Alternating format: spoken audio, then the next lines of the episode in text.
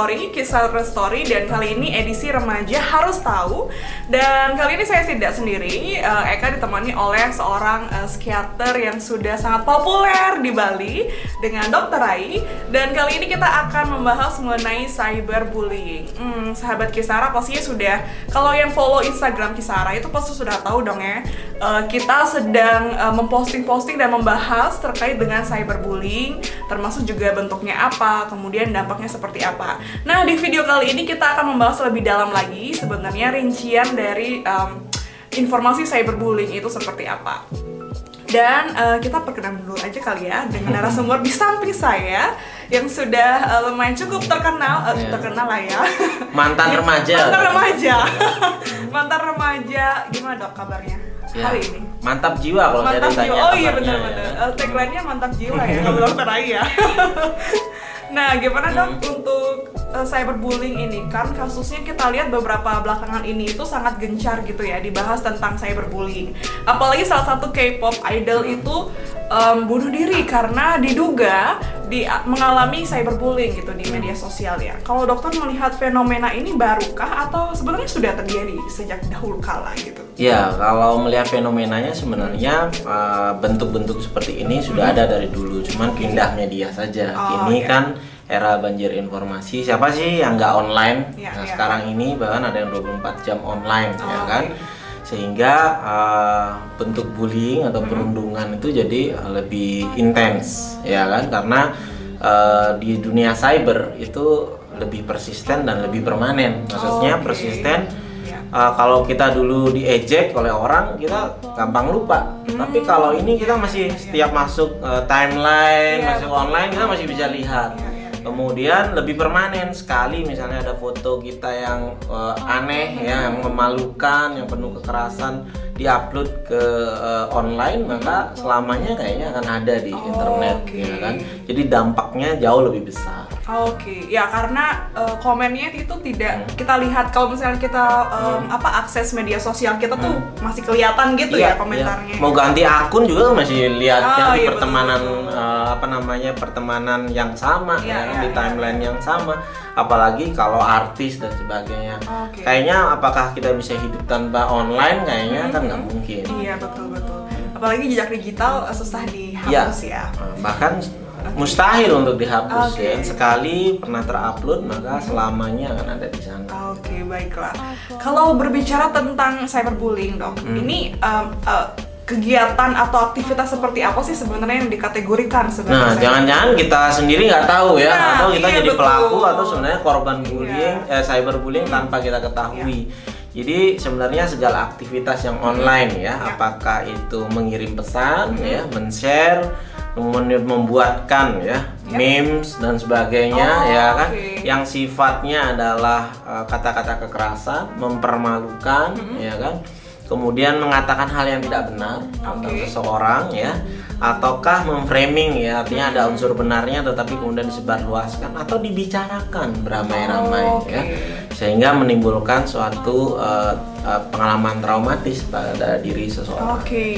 Berarti termasuk meme sekalipun ya sebenarnya bisa dikategorikan cyberbullying. Iya, sebenarnya banyak orang kan have fun untuk hal ya, itu, ya. tapi uh, yang baik sebenarnya dari sisi kesehatan jiwa itu adalah mem menertawakan diri sendiri. Kalau oh, itu gitu. humor itu menertawakan diri sendiri yeah, itu iya, matur. Oh, matur. Tapi okay. kalau menertawakan orang lain ya uh-huh. beramai-ramai apalagi nah itu sebenarnya uh, pelakunya jangan-jangan mempunyai dasar atau kerentanan hmm. sebenarnya yang mengalami permasalahan atau gangguan uh, jiwa. Jiwa. Gitu, Oke. Okay jadi kalau misalnya mau matur gitu ya, hmm. tertawain diri sendiri aja iya, gitu. Iya, kalau kita bikin memes diri sendiri iya. ya kan menertawakan iya, iya, kejadian-kejadian unik dari sudut pandang kita, it's okay. okay. Tapi kalau mengambil foto orang lain, mengambil tingkah laku orang lain kemudian kita reframe ya, kita bingkai ulang menjadi uh, sesuatu yang mempermalukan, yang kemudian kita tertawa bersama uh, kita harus pertanyakan lagi kamu sehat gitu kan oke okay. malah pertanyaan kepada yang uh, buat yang melakukan itu, itu ya, bagaimana kalau kita menikmati hal-hal itu kemudian membuat hal itu uh, terus kita menikmatinya itu oh, kayaknya okay. kita perlu bertanya apakah kita sehat ya betul, betul, betul, betul. perlu melakukan sesuatu seperti itu untuk hmm. membuat diri kita uh, bahagia. Oke, okay, oke. Okay. Hmm. Nah, uh, dari cyberbullying itu sendiri, Dok, sebenarnya hmm ya tadi dokter bilang ya sebenarnya itu perilaku bullying yang memang medianya saja yang berbeda kalau ya. bullying mungkin secara langsung ya, gitu dan ya. medianya banyak uh. dari yang lebih konservatif kayak SMS ketika oh, kita harus okay. mengancam ya, seseorang ya. ya kan hanya membuntuti saja kemudian kita texting kamu uh, lagi di situ ya hati-hati oh, loh ya dan okay. sebagainya itu sudah menimbulkan perasaan tidak nyaman. Ya, ya, ya. Kemudian misalnya mengcapture ya kan status media sosial seseorang dengan ya, ditambahin komentar dan sebagainya oh, okay. tanpa izin ya, ya. itu sudah juga cyberbullying. Kemudian sering nih jangan-jangan nih ya. uh, kita pernah foto seseorang dalam keadaan memalukan misalnya lagi tidur oh, lagi nah, dalam posisi posisi yang gak enak iya, kemudian betul. kita sebar di media gitu grup ya. grup WhatsApp grup uh, apa pun kemudian kita bicarakan ya, ya, ya. Kadang yang orangnya bahkan ada di grup itu hmm. atau bisa jadi nggak ada kemudian ya, dia ya, tahu-tahu ya. sendiri itu sebenarnya sudah cyberbullying ya, ya kemudian juga misalnya uh, ya seperti tadi membuat gambar ya kan hmm. berulang apalagi ada sisi nggak benarnya gitu okay. mengke uh, status uh, status seseorang hmm. ya pembicaraannya hanya sepotong yeah. kemudian dikaitkan pada hal yang lain. Jadinya oh, salah ya kan? jadi malah hoax gitu iya ya. hoax atau yang tadi. Jadi itu mungkin relevan misalnya setahun lalu tetapi oh, dibawa okay. ke sekarang. Nah jadi hal-hal itu sebenarnya mempengaruhi emosional seseorang. Nah sebenarnya ada fakta menarik ya. ya uh, di mana orang yang menjadi korban cyberbullying hanya satu di antara 10 korban cyberbullying kemudian uh, melaporkan oh, okay. ketidaknyamanannya pada orang lain, entah okay. pada orang tuanya, entah pada kawan-kawannya.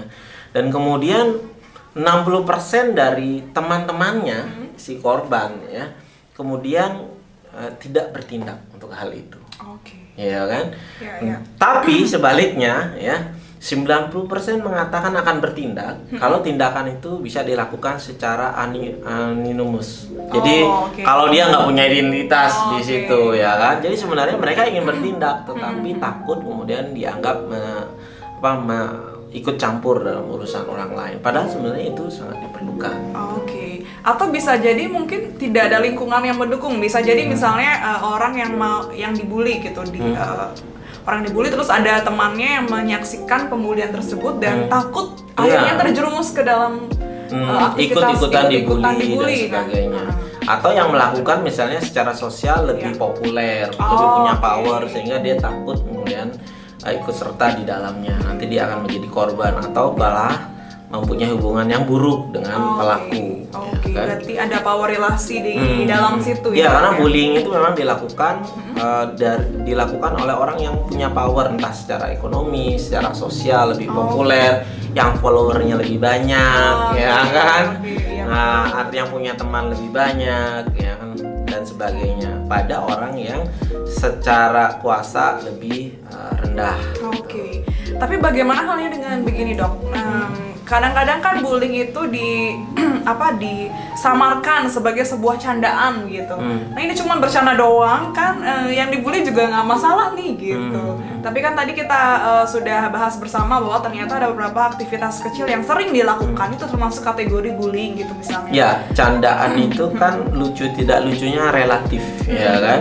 Tergantung dari pesan yang dibawa, tetapi uh, mempermalukan seseorang. Hmm body shaming yang mempermalukan seseorang menambahkan hal-hal yang memalukan pada orang lain. Itu bukan candaan yang uh, sehat ya kan?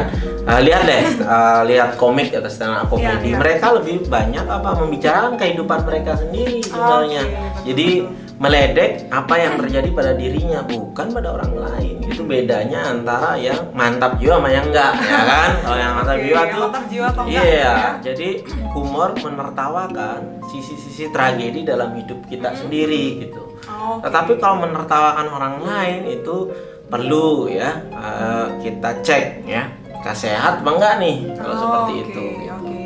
apalagi bahagia di atas penderitaan ya, orang gitu ya seperti itu nah hmm. ya ya berarti kalaupun misalnya um, yang dibully itu hmm. merasa uh, biasa-biasa aja, mungkin aja itu menjadi sebuah gini ya dok. Ya yang justru tragedi adalah si korban ini kadang-kadang percaya dirinya pantas diperlakukan Oh, seperti itu. Oke. Ya kan, Ya. inilah yang misalnya pada beberapa penelitian mengaitkan bahwa orang yang menjadi korban cyberbullying mempunyai tendensi untuk bunuh diri lebih besar daripada Oh, yang tidak pernah mengalami korban. Apalagi kalau si korban ini percaya bahwa dia pantas diperlakukan Hmm, seperti iya, itu, iya, iya, iya. bahwa dia menerimanya sebagai hal yang keniscayaan ya pantaslah saya diperlakukan begitu. Bagaimana misalnya foto bodinya ya Hmm. tubuhnya yang lagi sedang tidak enak itu kemudian dipamerkan di mana-mana Oke. dan sebagainya. Oke. Kalau kita berbicara ke akar lagi Hmm. sebenarnya tadi sudah ter, ter apa ya tersebutkan Hmm. sih sebenarnya salah satu uh, akar dari bullying itu adalah uh, tadi ketidakpercayaan dari diri sendiri dari Hmm. pelakunya itu ya. Hmm. Tapi jauh le- lebih dari itu sebenarnya ada nggak sih dok uh, akar dari cyberbully atau bully itu sendiri sebenarnya apa sih? Ya, artinya kita perlu mantapkan lagi bahwa yang bermasalah ini bukan pada korbannya. Yang Oke. bermasalah ini pada pelakunya. Dia punya tendensi biasanya misalnya dia tidak mempunyai kuasa di rumah, dipermalukan di keluarganya. Jadi dia harus mempermalukan orang lain untuk Oh, menunjukkan oke. dirinya menjadi lebih baik, ya kan? Tapi kenapa sering pada remaja? Karena kan citra, citra diri itu uh, paling penting pada remaja, Oke. ya kan? Uh, bagaimana menghabisi ya citra diri dan harga diri seseorang itu uh, bagi remaja itu sangat uh, tragedi dibandingkan ketika orang sudah dewasa ya kan? Dikatakan hal-hal yang buruk atau mengatakan yang benar jadi tetapi dengan cara yang buruk itu sangat ya penting uh, bagi diri seseorang. Nah ketika dia kehilangan hal itu maka ap- untuk apa lagi kita hidup? Bagi orang lain mungkin sepele, maka ketika kejadian uh, artis K-pop itu orang lain terkejut, kenapa sih kok sampai seperti itu? Nah, sebenarnya bagi seorang remaja citra diri ya perspektif soal dirinya itu menjadi sangat penting. Oke. Kira-kira em, apa dok yang bisa kayak mm, tips dan trik gini ya dok, misalnya untuk memantapkan em, diri kita biar misalnya eh, tidak menjadi pelaku bullying itu sendiri ataupun nanti misalnya menjadi korban tidak em, apa tidak terjerumus untuk melakukan Hmm. bunuh diri Hmm. gitu misalnya. Jadi yang pertama misalnya pada korban ya. Nah, pada korban. Yang pertama kita kenali dulu bahwa itu hal-hal yang tidak pantas. Jadi kalau ada sesuatu yang buruk, prinsipnya selalu kalau di komputer apa kontrol alt del, ya kan? Oke. Jadi kontrol itu kontrol, Kontrol. diri kita, Iya. kendalikan diri kita, kenali. Oh ini tidak pantas, ini salah, ya, tidak pantas untuk kita terima. Nah, lalu apa yang perlu dilakukan? Emosi boleh, marah boleh, sedih boleh, ekspresikan, Oh, ya kan? Ekspresikan dengan cara yang pantas. Ketika orang membuli, ketika kita lawan, maka itu membuat uh, bulian itu bertambah. Jadi ada Oh, yang mengatakan kalau kita dibully, kemudian kita melawan dengan cara yang sama, maka uh, tingkat bulinya akan meningkat. Oh. ya kan? Jadi Oke. apakah perlu diam saja? Ya tidak. Kita perlu komunikasikan bahwa kita tidak uh, senang diperlakukan begitu. bahwa kita sedih diperlakukan bahwa itu tidak pantas. Bahwa itu salah. Terus kita bilang bahwa itu tidak menyenangkan. Jangan Iya, iya, kita iya. di cyberbullying kita malah ketawa ya kan? Ikut men- menikmati Ikut diri kita dengan ya kan? melakukan gitu ya. itu. Jadi uh, kontrol dari kita ya kan? Adalah hal yang baik juga kalau mengatakan atau mengadukan hal-hal ini pada orang-orang yang kita percaya. Misalnya pada Oke. orang tua pada sahabat pada guru ya. Itu juga sangat penting. Bukan berarti kita cengeng bukan berarti kita pengadu enggak. Bahwa orang yang minta tolong itu adalah hal yang justru orang yang jantan Oke. ya mengatakan dirinya perlu bantuan. Bukan pura-pura tidak perlu dibantu. Ya. Oh, oke. jadi kemudian altnya ya cari alternatif lain ya kan? Ah, iya, iya, Nah, apakah it's okay juga kalau untuk sementara waktu kita detox dulu ya dan sebagainya ya. Kita butuh media ekspresi. Tidak usah dilawan tetapi citrakan diri kita yang sebenarnya. Ya kan? Media sosial itu adalah untuk itu. Ya kan untuk eh, membuat kebiasaan-kebiasaan baru ya kan? Membuat pola-pola hidup baru Iya, iya, iya. yang kita senangi di media sosial. Jadi tidak usah melawan mengatakan tidak melakukan dan sebagainya. Kita upload saja sesuatu hal yang baru yang benar soal diri kita yang positif. Bagaimana kita justru berbahagia dengan diri kita sendiri. Hmm, ya kan? Kemudian del ya delete. Lupakan aja lah. Ya kan? Seperti hal itu bahwa kita justru kasihani aja. Wah ini yang pelakunya kayaknya kamu bermasalah. Gimana? Hmm. kapan saya mau antar ke untuk konsultasi dan sebagainya ya kan? Itu yang perlu korban Oke. lakukan. bagaimana kita masyarakat em, kalau menemukan seperti itu apakah keluarga atau kenalan kita ada perlakuan seperti itu speak up. Ya kan? Walaupun kita punya identitas yang jelas di sana kita perlu membangun awareness kayak kita sekarang bahwa Iya, hal-hal iya. itu tidak perlu dilakukan lagi bahwa hal-hal itu adalah hal yang kejam ya. Hal yang justru berdampak buruk pada emosional seseorang bahkan bisa menjadi permanen ya kan? Jadi kita harus uh, mulai membangun budaya itu. Nah kemudian pada pelaku oke uh, jangan menunggu orang lain mencari tahu apa sih permasalahan diri kita mulai tanyakan ke diri kita ketika kita sudah mulai hobi atau gemar ya Iya. mendapatkan kebahagiaan dari kemudian mengejek seseorang, memperlakukan buruk seseorang. Kita tanyakan sebenarnya saya punya problem nggak sih gitu. Apa sih yang ada di dalam diri saya? Carilah bantuan ya, cari bantuan dari kawan-kawan terdekat, dari keluarga atau dari profesional kesehatan jiwa, ya kan? Ya. Nah, secepat mungkin kita mendapatkan bantuan, kita akan mempunyai citra diri yang lebih baik, kualitas hidup yang lebih baik. Oke, berarti poin pentingnya ya sahabat Kisara ternyata kalau e, merasa menjadi korban bullying atau cyberbullying itu jangan diam gitu. Hmm. Iya. Katakan, ungkapkanlah perasaannya. Hmm. Jangan cinta aja yang agar orang tahu ya kan orang tahu, orang tahu bahwa itu juga. tidak nyaman untuk Iya diri betul. kita Karena kalau misalnya tidak diungkapkan bahkan orang pelakunya pun merasa fine fine aja Iya, gitu betul kan. dan kita harus sadari tidak ada satu orang pun yang bisa jadi paranormal Oh, ketika oke. orang nggak memberitahu betul. isi perasaannya terus kita ngerti-ngerti sendiri Iya, iya, terus iya. kalau kita nyalahin kok dia nggak paham sih perasaan saya ya nggak peka nggak ada yang Oke, bisa jadi paranormal iya, iya, iya. Jadi bukan gini aja ya, tapi eh, jangan menganggap semua orang itu peka. Kalau misalnya kita sedih, eh, terus orang lain itu. Nah, ketika kita sudah mengungkapkan ternyata dia tidak peduli dan sebagainya itu masalah di dia. Tetapi Oh, kita sudah oke. melakukan bagian kita, Ya, ya, mengatakan bahwa kita tidak nyaman, ya kan, bahwa saya butuh pertolongan, bahwa kamu sudah kelewatan dan sebagainya. Masalah dia kemudian eh, mengerti itu, itu urusan dia. Hmm. Tapi kita sudah melakukan tugas kita. Tapi kalau kita belum melakukan tugas kita dan kemudian berharap dia ngerti-ngerti sendiri, ini Iya. jangan-jangan kita lah yang juga belum Iya, iya, berusaha ya kan untuk menghadapi cyberbullying. Oke. Em, biasanya kan kalau misalnya eh, orang gini ya mengungkapkan rasa tidak enak itu kan juga ini dok apa nggak Hmm. enakan juga gitu loh orangnya. Aduh sama temen terus aku bilang aku nggak enak nanti tem- nggak temenan atau gimana begitu. Hmm. Jadi sebenarnya memupuk keberanian untuk mengungkapkan itu sendiri sebenarnya juga PR. sendiri, Ya, dok. jadi Gimana? biasanya lebih baik dengan kalimat positif atau iMessage. Jadi nggak hanya phone cell aja ya, nggak ada tablet aja yang i ya, tetapi message juga i. Ya, Oke. maksudnya adalah eh, senetral mungkin bahwa Oh, oke. kamu teman yang baik, nah, tapi saya ya kan merasa kesel nih, merasa terhina. Kok saya sedih ya? oke. Iya, Kok iya. saya agak emosi ya kalau diperlakukan seperti ini. Biasanya kamu baik, ya kan? Iya. Nah, saya ingin nih, saya seneng loh kalau kamu bisa kayak kemarin baik dan sebagainya. iya, Jadi bukan berarti dia jahat kan, tapi perbuatan yang sekarang ini loh nah, Oh, yang membuat diri baik, saya baik, terluka. Jadi usahakan depannya saya merasa apa kalau apa. Oh, Jadi jelas pada tindakan apa dan sebagainya Iya, gitu. iya. Jadi bukan kita mengatakan bahwa pribadinya itu yang selama ini buruk enggak ya kan? Oke. Jadi pesannya jelas pada orang yang tepat dan waktu yang tepat Oke, gitu. bahkan strategi komunikasi dalam mengungkapkan. Ya nanti galau Iya. kita nggak ungkapkan terus kita ngomong lagi ke teman ya. Itu lingkaran Jadi- jadi terus kita uh, bikin lagi lagi yang lain serangan lagi. balasan dan sebagainya Jadi ya perang lah itu di situ ya. Hmm. Jadi Iya, iya. war ya kan sosial Cyber media war gitu Wah, jadinya. itu. Oke, kalau kita berbicara tentang dampak dok, Hmm. Eh, tadi kan dampak ter apa dampak terburuknya itu Hmm. adalah bunuh diri gitu. Nah sebelum menuju ke bunuh diri, ada nggak sih sebenarnya proses-proses eh, dampak-dampak lainnya?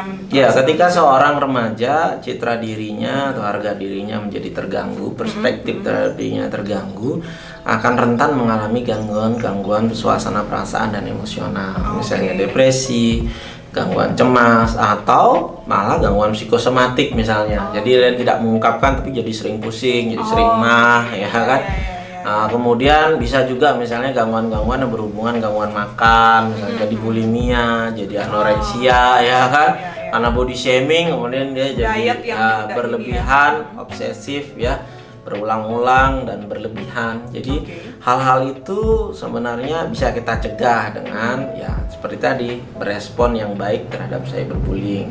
Tapi ketika kita sudah mengalami itu penting juga kita memahami oh kayaknya saya udah pada tahap lanjutan sehingga kita membutuhkan uh, bantuan orang lain, bantuan profesional gitu. Sehingga tidak sampai terjadi bunuh diri. Ketika sudah itu tuh sudah dihilir, sudah cukup banyak fase yang dilewati dan kita tidak pernah meminta bantuan, Bantuan, itu iya. atau kita pernah meminta orang-orang sekitar yang nggak paham kalau kita Oh, lagi minta oke. tolong gitu. Iya, iya, iya. Itu sih ini. Iya, karena orang sekitar tidak paham pun sebenarnya memang karena informasi tentang ini tuh agak kurang ya. Hmm. Ya, itu stigma masyarakat ya bahwa sebenarnya gangguan emosional, gangguan perasaan, ya Hmm. pikiran itu bukan sesuatu yang nyata. Uh, orang tinggal bilang udah sabar ya kan. Ya udahlah Nanti ya, Oh, orang juga punya ini, kamu punya banyak yang perlu disyukuri. Oke. Tapi cobalah mengatakan hal yang sama itu seperti misalnya pada orang yang asma. Hmm, Ya kan? iya. Orang lagi susah nafas, Terus bilang ya udahlah ya. sabar ya kan udara ini bersih kenapa kamu Iya, susah iya, bernafas hirup udaranya ya kan? Ah, itulah perasaan ketika Iya, orang depresi orang cemas terus kita sabar-sabarin ya kan kamu perlu mendekatkan diri pada Tuhan ya kan?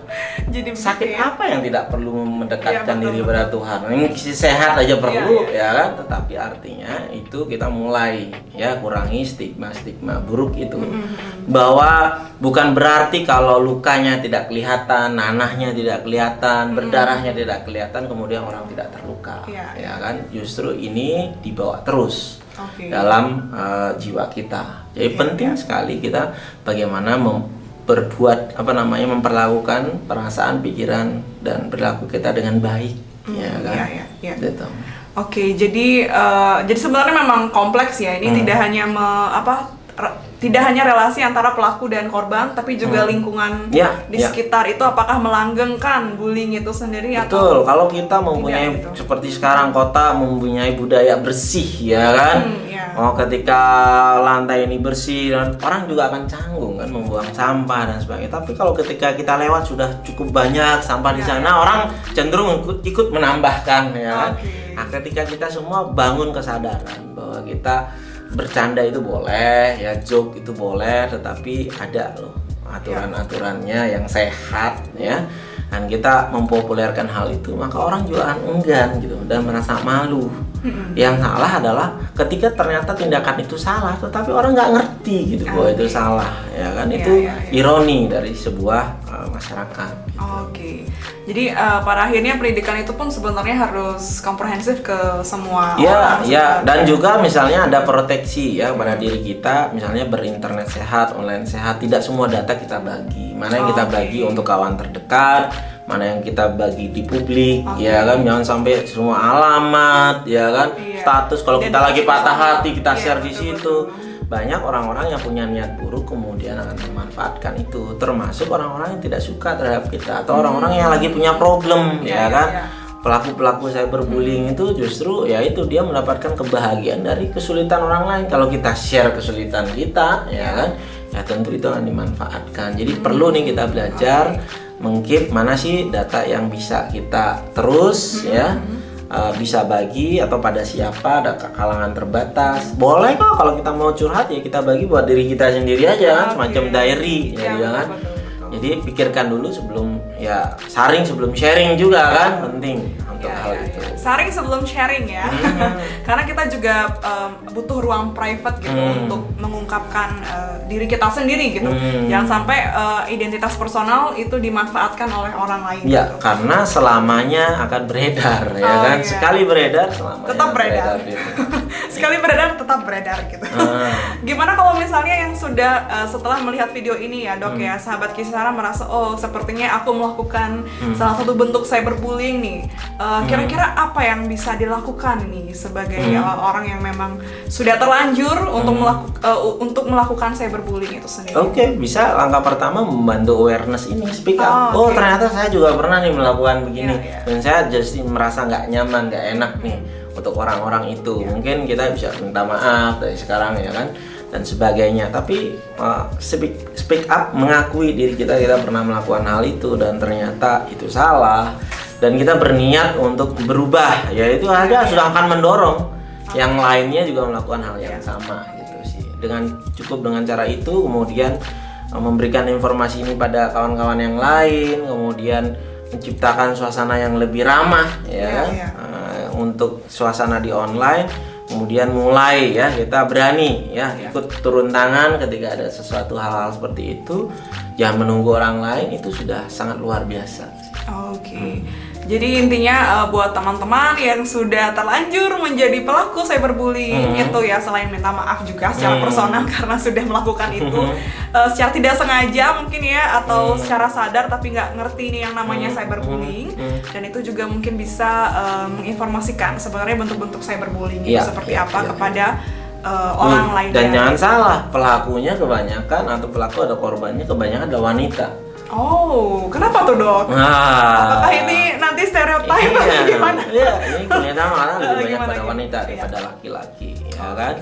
Uh, ada pola-pola kan kalau dulu hmm. pola-pola biasanya kalau wanita di pertemanan wanita nggak cocok ya biasanya dia akan apa uh, akan bermasalah dengan teman-temannya sendiri dalam oh, satu okay. geng ya kan. Ya, ya. Tapi kalau laki-laki biasanya solid dalam satu geng mm-hmm. melawan geng lain ya. Oh, Jadi kalau polanya laki-laki tawuran ya kan. Okay. Kalau wanita biasanya punya teman lima ada yang nggak cocok di antara berlima ini kan. Para, uh, nah okay. kalau dulu hanya lewat pembicaraan ya sekarang lewat online ya kan. Sekarang bagaimana kita uh, berkomunikasi open ya terhadap tadi I message ke kawan-kawan kita bagaimana kalau kita mengkritik ya mengatakan sesuatu dengan yang netral tanpa perlu kita sembunyikan terus nanti di blow upnya di media sosial. Hmm. sindir menyindir itu kan salah satu dari bagian. Pernah nggak punya lihat di media sosial si A ngomong apa tanpa no mention ya, ya si B yang no mention ah sebenarnya ini kita tahu nih satu sautan ya kan? Iya benar-benar nah itu juga. ya. nah hal-hal itu juga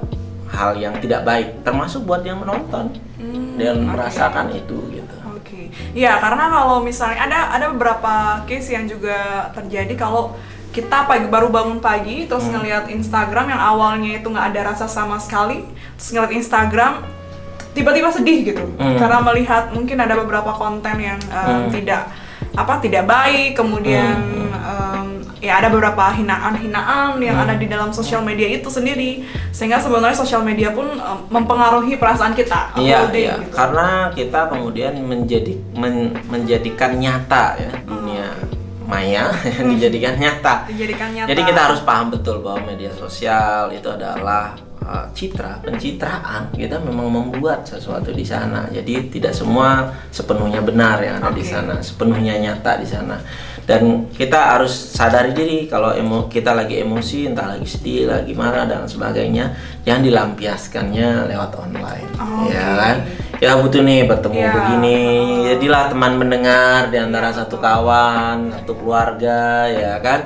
Ada hal-hal yang tidak uh, baik untuk diselesaikan di media sosial yang kita harus uh, apa namanya selesaikan dalam dunia nyata iya. ya kan? Karena itu juga berisiko gitu ya. hmm. ya nah, Oke, okay. nah um, yang terakhir nih dok, ya. kira-kira uh, apa yang bisa dilakukan untuk mencegah gitu, upaya-upaya pencegahan baik hmm. secara personal sekalipun, hmm. mungkin juga ini pesan untuk para pemegang kebijakan atau um, apa untuk lingkungan secara keseluruhan, mungkin yang nonton juga para orang tua, hmm. bagaimana kira-kira pesan-pesan untuk ya. pencegahan ya dok? Ya sekarang kan beda ya, kalau dulu eranya apa Uh, kurang informasi kalau hmm. sekarang banjir informasi jadi okay. pesannya adalah banjirilah kita ikut membanjiri media uh, dengan hal-hal yang baik hal-hal okay. yang positif seperti video seperti ini hmm. ya kan dan sebagainya. Kemudian kampanye lebih baik internet sehat. Jangan mengatakan jangan begini ya, jangan begini. Okay. Itu tidak kurang produktif dalam psikologis. Ya? Tetapi mari yuk kita internet sehat yuk berkomunikasi untuk hal yang positif. Apa sih kelebihan uh, belajar mengenali kelebihan teman-temanmu, hal-hal positif yang bisa didapat dari teman-temanmu. Kalau ada kesalahan, ya kayak warung Padang, ya kan? Ya. Jadi kalau kamu puas ceritakan pada orang lain, kalau nggak puas beritahu saya. Ya. Saya baru tahu itu. itu gitu ya. iya, kelihatan umur ya berarti ya. ya itu ya, ya. kalau kita membangun hal-hal semacam itu baik di media sosial dalam lingkungan komunikasi sehari-hari maka kita akan menciptakan lingkungan yang ramah ya, terhadap kesehatan jiwa kita gitu.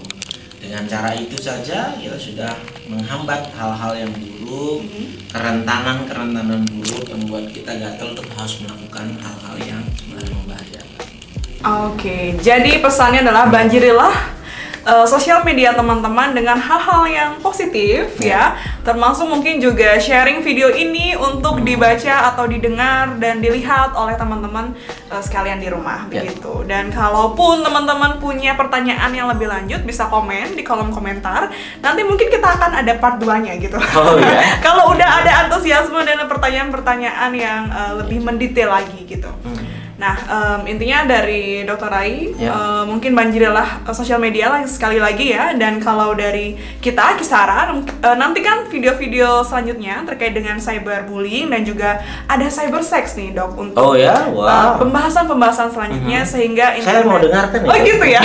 Atau mungkin dokter juga sekalian ya? untuk video-video uh, selanjutnya tentunya. Yeah. Yang terakhir buat teman-teman, terima kasih sudah menonton video ini dan jangan lupa untuk stay tune di video-video selanjutnya. Kisara, Viva Youth, Viva Kisara. Ya. Aduh. Udah, kan?